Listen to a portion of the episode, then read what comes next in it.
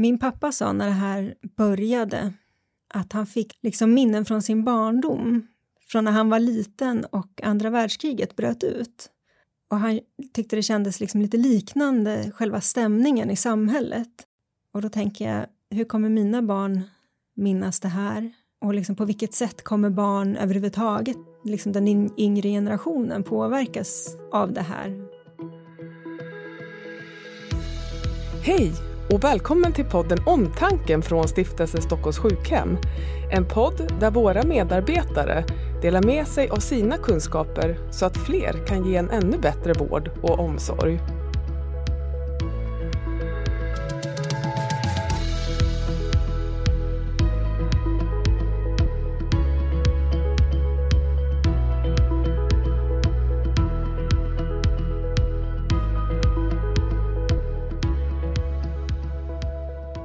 Idag så ska vi prata om rehabilitering efter covid-19. Och med oss idag så har vi fysioterapeut Nanna Forsmarker. Du arbetar som fysioterapeut, eller sjukgymnast som det också kallas, inom primärvårdsrehab här på Stockholms sjukhem. Och I vanliga fall så har du blandade patienter och många av dem har då KOL och astma. Välkommen hit Nanna! Tack! Idag så ska vi prata om den inneliggande covid-rehabilitering som vi har haft här på Stockholms sjukhem och delvis har kvar fortfarande. Men vi ska också berätta lite om hur det har varit sedan pandemin drog igång. Du Nanna, du var ju med och öppnade en covidavdelning på geriatriken redan i mars. Och då så var vi en av de första privata vårdgivarna som på uppdrag av Region Stockholm öppnade särskilda avdelningar och började ta emot och vårda äldre patienter som då hade covid. Och vi har haft eh, de här covidavdelningarna i vår verksamhet i Bromma och vi har även haft avdelningar här på Kungsholmen där vi också spelar in idag. Och från mars till juni så hade vi cirka 360 patienter och det här motsvarade 24 procent av den här patientkategorin i regionen. Och vi vårdar fortfarande patienter med covid här hos oss, men det är bara ett fåtal och vi har inga sådana stora avdelningar. Och i maj då så öppnade vi också upp för rehabilitering av de här patienterna. Helt enkelt inneliggande covid-rehab. Ja, du har varit där till mitten av augusti och nu är du tillbaks på din vanliga tjänst. Men vi ska som sagt prata om själva rehabiliteringen idag främst. Ja, vilken typ av patienter är det som eh, ni möter här på rehabiliteringen? De säger att 85 till 90 procent av våra patienter på covid-rehab har varit män. Och de har varit eh, blandade åldrar, men eh, jag skulle säga att de allra flesta har varit mellan kanske 40 och 70 år. Även om vi har haft både yngre och äldre patienter också. Så totalt sett tror jag att vi har haft ungefär 80 patienter på den här covid-rehabavdelningen. Vad har de för problem? Eller vad har de haft för problem? När de kommer till oss i början så är de ganska medtagna efter sin vård och sjukdom som de har haft innan. De är svaga, de har nedsatt ork, de är oroliga, nedstämda, svårt med andningen för en del, kan ha svårt att syresätta sig, mycket hosta. Och de kommer ju också från IVA-vård, så det är intensivvård och det här är patienter som har legat i respirator egentligen, de som kommer nu till rehabiliteringen. Ja, precis, mm. det är mm. den kategorin som har legat i respirator och gjort det ganska länge. De flesta har ju varit i respirator i flera veckor innan de kommer till oss. Och som säger, de är ganska medtagna, men hur mår de psykiskt? Kan man säga något om det? Ja, det är vanligt att de mår ganska dåligt psykiskt och en del har posttraumatisk stresssyndrom. Man märker att de är oroliga och, och lite deprimerade en del. Och det är ju också väldigt speciellt att ha drabbats av en, den här sjukdomen, tänker jag. Patienterna är ju själva medvetna om att det är en ny sjukdom och att det är mycket man inte vet och sådär. Är det någonting som du har blivit förvånad över som ni har sett eller något som du och dina kollegor har blivit förvånade över de här patienterna som har kommit in? Vi har nog både blivit förvånade över hur otroligt medtagna de är när de kommer till oss.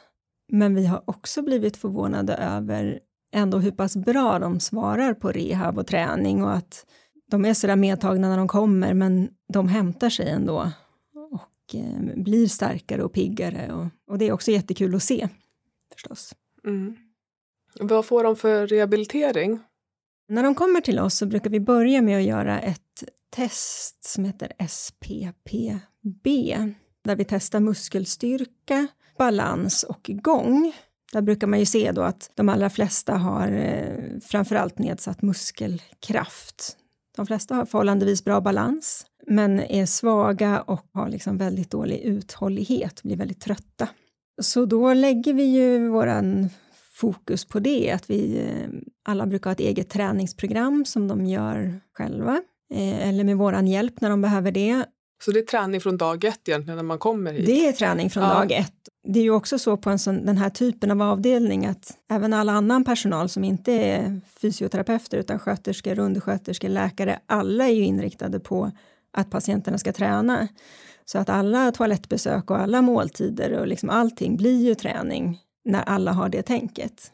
Och de som kommer hit, när de sen kommer hem, då ska de kunna klara sig själva också? Ja, det är tanken, eh, att de ska kunna klara sig själva eller med hjälp av sina anhöriga. Sen så har vi också vi har gruppträning på avdelningen.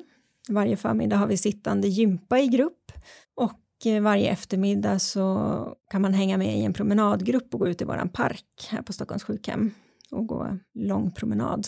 Mm. Mm. Och just att man tränar så där i grupp, eh, är det någon fördel med det? Mm. Eh, det tycker vi. Från början när vi öppnade Covid Rehab, då var det fortfarande lite oklart det här med hur det skulle vara isolerat eller inte. Så patienterna var från början isolerade på sina rum. Och eh, då märkte vi sen då när de hävde den här isoleringen och patienterna kunde komma ut och träna i korridorerna och vi kunde dra igång grupperna att det blev väldigt bra kontakt mellan många patienter. Man får lite perspektiv på sin egen situation när man får se andra som är drabbade av samma sjukdom. Och även om det är samma sjukdom så är det ju många har ju väldigt olika besvär men jag tror ändå att de liksom kan känna igen sig i varandra. Och det blir också väldigt bra när man liksom träffas i en grupp eller ser varandra därför att folk är ju olika, har ju kommit olika långt. Liksom. Några har ju varit där kanske några veckor och är på väg hem och har kommit långt i sin rehab medan andra kommer nya och kanske bara varit där ett par dagar. Och Psykiskt liksom... stärkande att se att det är ja. andra som har kommit så långt på den tiden. Ja, precis. Eh, jag tror att de som har kommit långt känner ju, de känner ju igen sig själva i de som kommer nya och får lite liksom en tankeställare vad mycket det har hänt med mig ändå sen jag kom hit. Och de som kommer nya och får se de som är på väg hem kan ju också liksom se ja, men hur det kommer kunna utvecklas och att det kommer bli bättre. Mm. Och det är ju också det här att det är helt nytt, att det är, egentligen är det ju liksom patienterna själva bara som kan förstå vad de har varit med om och att de är än så länge en ganska liten skara i alla fall. Och jag tror att det är bra att de träffar varann och pratar med varann och har lite kanske liknande erfarenheter av hur det har varit. Innan du kom till Stockholms sjukhem så har du också jobbat som eh, fysioterapeut eller sjukgymnast på Sankt Görans eh, IVA intensivvård. Och det är precis därifrån som de här patienterna kommer, inte bara från Sankt Göran men just från intensivvården. Har det varit en fördel tror du? Ja, det tror jag. Jag tror att det har varit en fördel för mig att jag eh, kan föreställa mig vilken miljö de har vårdats i, hur de har legat på delade salar. Det brukar vara flera patienter på en IVA-sal. Alla patienter är uppkopplade med olika apparater som piper och dingar och håller på. Det är sällan en tyst stund på en sån sal. Mycket personal, det händer saker plötsligt och också hur det när man är patient där, att man har otroligt mycket infarter och slangar och sladdar på kroppen och svårt att röra sig bara av den anledningen. Och så har ju de också varit intuberade och har en slang i halsen. Så att jag tror att det är en fördel att jag förstår att de har ja, varit med om nästan ett eget trauma. Även om vården på IVA är ju nödvändig och personalen där, de kan absolut ha informerat om vad de ska göra eller prata med patienten och sådär men att när man är patient och otroligt omtumlad, man kanske är delvis nedsövd, har svårt att skilja på verklighet och dröm, att man ändå liksom upplever det som, att, ja, som ett eget trauma utöver själva sjukdomen. Ja, det är jättebra att du har kunnat dela med dig av de erfarenheterna då till kollegor. Har också berättat det för patienter att om jag har sett hur, mm. hur det har varit så att mm. du, de har vetat det också. Ja, det har jag gjort och det tror jag vet jag specifikt liksom ett par som jag kände att ja, det blev liksom ganska bra när jag hade sagt det, att, att de förstod att jag ja, förstår i alla fall på något plan vad de har varit med om.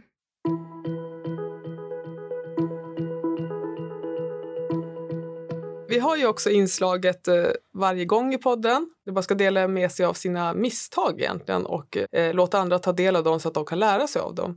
Och det heter Den gången gick det inte så bra och så här löste jag problemet. Har du något sånt exempel just ifrån eh, covid-rehabiliteringen som du kan dela med dig av, Nanna? Ja, ja, men då tänker jag på just de här patienterna som har legat eh, på IVA och eh, det här som vi just pratade om, vad de har varit med om. För många av patienterna som vi har haft har det besvärligt med sin andning. Och det här har jag jobbat med tidigare hos andra patienter och det finns ju många tekniker för hur man ska kunna fördjupa sin andning. Och det har jag försökt på de här covid-patienterna, men egentligen tycker inte jag att jag har fått något bra resultat av det. Utan det har nästan blivit värre, tycker jag, av att man försöker liksom andas på olika sätt eller med olika tekniker. Så då har jag istället provat att göra avspänning med patienterna. Mm, vad, vad, vilken typ av avspänning då? Och då har det varit så att de ligger i sin säng och så sätter vi på lite sån skön avspänningsmusik. Och så guidar jag dem att de ska spänna vissa muskler och sen slappna av och känna liksom avspänningen i kroppen. Så går man igenom kroppen och spänner och slappnar av och pratar ingenting om andningen. Och då tycker jag att när vi har gjort det så har de fått ett djupare andningsmönster. Och jag tolkar det lite som att de efter den här sjukdomen och andningen och kanske IVA-vården, respiratorn, att de har nästan blivit som rädda för att andas. Eftersom att de har fått hjälp med att andas då också. Ja, i de vågar inte andas ja, själva sen. Mm. Ja. Så då tycker jag ändå att det verkar ha fungerat bättre än vanliga andningstekniker och andningsgymnastik. Mm. Ja, men bra tips. Det, gå inte på själva andningen utan gå genom olika avslappningsövningar istället. Ja, kanske komma runt det och hitta andningen ändå, men inte direkt på. Ja, mm. ja, jättebra. Hur länge brukar man få rehabilitering? Det är väl lite olika. Många har varit hos oss kanske mellan tre och fyra veckor. Det finns de som har varit där ganska kort tid också, kanske bara en vecka. Och det finns säkert de som har varit där längre också, för det där... Är det beroende på ålder eller vad, vad beror det på? Ja, det beror ju på hur, hur liksom väl man har återhämtat sig. För man måste ju ändå kunna klara sig när man kommer hem.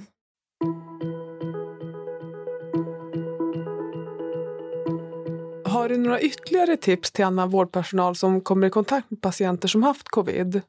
En del av de här patienterna har ganska hög puls. Det kan vara bra att veta om från början. En del patienter sjunker i syresättning när de anstränger sig.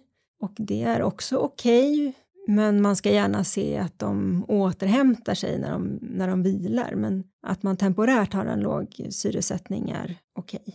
Och sen där som vi pratade om tidigare om andningen och avspänningen så tänker jag också att kanske att träning som medicinsk yoga eller qigong eller den typen av träning kan vara bra för de här patienterna om de har svårt med andningen eller om de, liksom, man tycker att man ser det där att det är liksom svårt att slappna av eller att man känner sig obekväm i sin kropp eller liksom man inte landat efter det här utöver liksom vanlig eh, konditions och styrketräning som jag tänker mig att de flesta tänker kanske i första hand. Och även att det går liksom framåt för den här patientkategorin och att det finns ganska mycket utvecklingspotential eller rehabpotential hos dem, även om de kanske är ris, i risigt skick när de kommer i början. Jag tycker ändå att man liksom, även om det inte går jättesnabbt så kan man hela tiden se att det går lite framåt. Är du rädd för covid då du har sett följderna? Alltså både ja och nej. Jag kanske inte är just rädd, men jag känner att jag har en väldigt stor respekt för den här sjukdomen sen jag har sett den här patientkategorin och liksom ser hur otroligt olika det kan drabba och eh, ganska oförutsägbart också. Samtidigt tänker jag att eh, kunskapsläget nu är helt annorlunda. Så på det viset kanske jag också är lite mindre rädd, men jag har absolut stor respekt för sjukdomen. Om man eh, går hemma och man tror att man har haft covid men man kanske har inte sökt vård för det. Har du något tips till de personerna hur de kan ta hand om sig själva? Ja, men det handlar väl även för dem om att komma igång med mer och mer fysisk aktivitet utefter den ork man har och de förutsättningar man har. Det är inte farligt alls att eh, liksom börja röra på sig utan snarare bra. Det kan vara klokt att göra det i liksom mindre omgångar så att man inte tröttar ut sig helt och kanske börja hellre göra det flera gånger om dagen istället för att ta ett jättestort pass och bli väldigt trött efteråt. en utveckling är ju att man orkar mer, man blir starkare och bättre kondition och sådär. Men en utveckling är också att man behöver mindre tid till återhämtning. Så är man hemma och tränar så kan man ju dels registrera och skriva upp vad man orkar för att se den utvecklingen, att man orkar längre och längre för varje gång. Men man kan också skriva upp då hur länge man behöver vila efteråt innan man kanske orkar en eh, omgång till eller innan man orkar göra någonting annat. För att det är också ganska uppmuntrande att se att jag behöver inte längre lika lång tid för återhämtning som jag gjorde i början. Det är en annan typ av utveckling också. Men om man känner att man, man inte mår bra eh, på så vis att man inte liksom kommer igång riktigt efter sin sjukdom, då tycker jag absolut att man ska söka till ett primärvårdsrehab och få hjälp och testa vad man orkar och liksom testa sina gränser lite grann. Och i en sån liksom tryggare miljö kanske också vågar göra lite mer. För det är inte ovanligt att man blir rädd för att anstränga sig. Och är man rädd för att anstränga sig så är det väldigt svårt liksom att komma vidare. Man kan ringa och boka tid själv, man behöver inte ha någon remiss för att komma till er heller. Nej, det, man det behöver ingen remiss. Ja.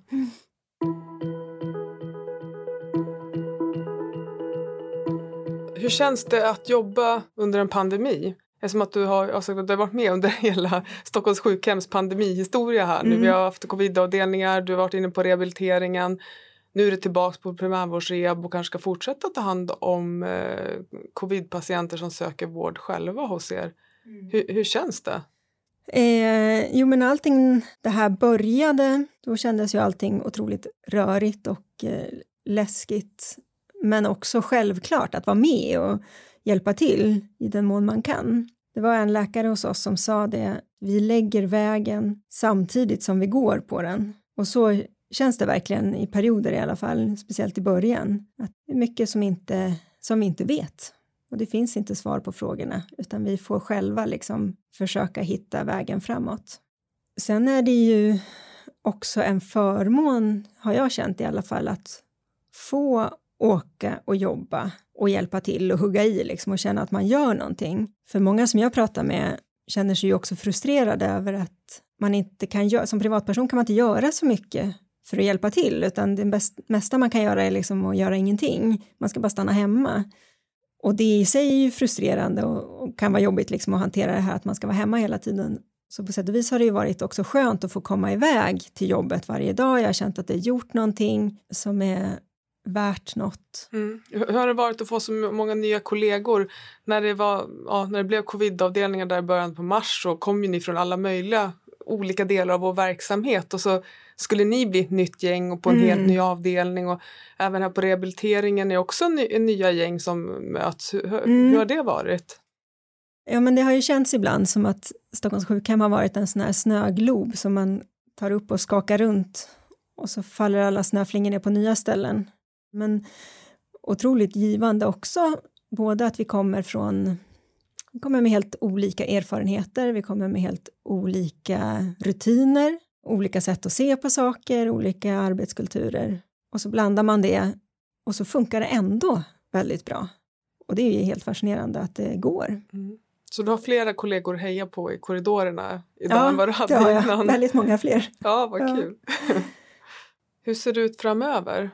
Nu är jag tillbaka i primärvårdsrehab och ehm, vi ehm, börjar ju få tillbaka en del av våra gamla patienter som ju, det är väldigt många som har fått avbryta sin rehab under den här perioden. Och vad är det för patienter som har gått till, till er tidigare och som haft uppehåll nu? Ja, det kan ju vara helt blandat, men många är ju sådana som har kroniska sjukdomar som behöver kontinuerlig träning för att liksom upprätthålla en bra livskvalitet och bibehålla sina funktioner. Så det är många i den kategorin. Sen så har ju vi också covidgrupper nu som man kan komma och träna i om man har liksom haft mycket eller svår covid. Då. Så det är en ny patientkategori i primärvårdsrehab som börjar komma nu då, eller sen i somras ungefär. Så de kommer dit för enstaka besök eh, mm, på rehabilitering precis. utan att vara inneliggande också? Exakt, ja. ja. man bor hemma och så kommer man in kanske en gång i veckan eller så.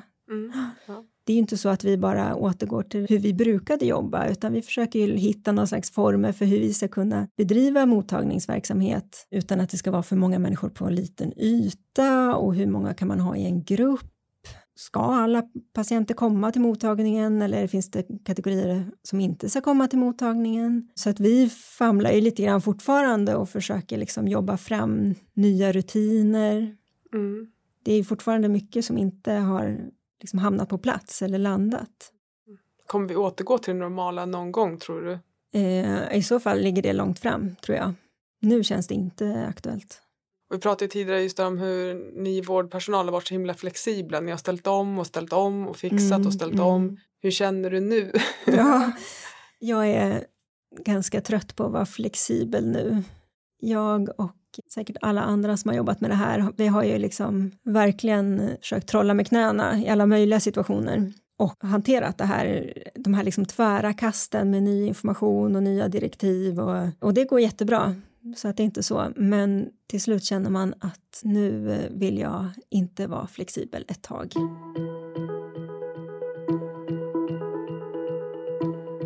Vilka frågor har det här väckt hos dig?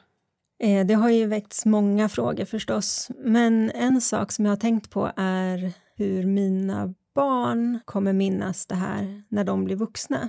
Barnen märker ju det här jätteväl och ja, det här påverkar ju liksom alla i samhället.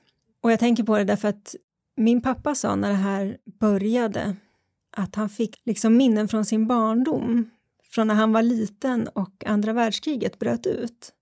Och han tyckte det kändes liksom lite liknande själva stämningen i samhället.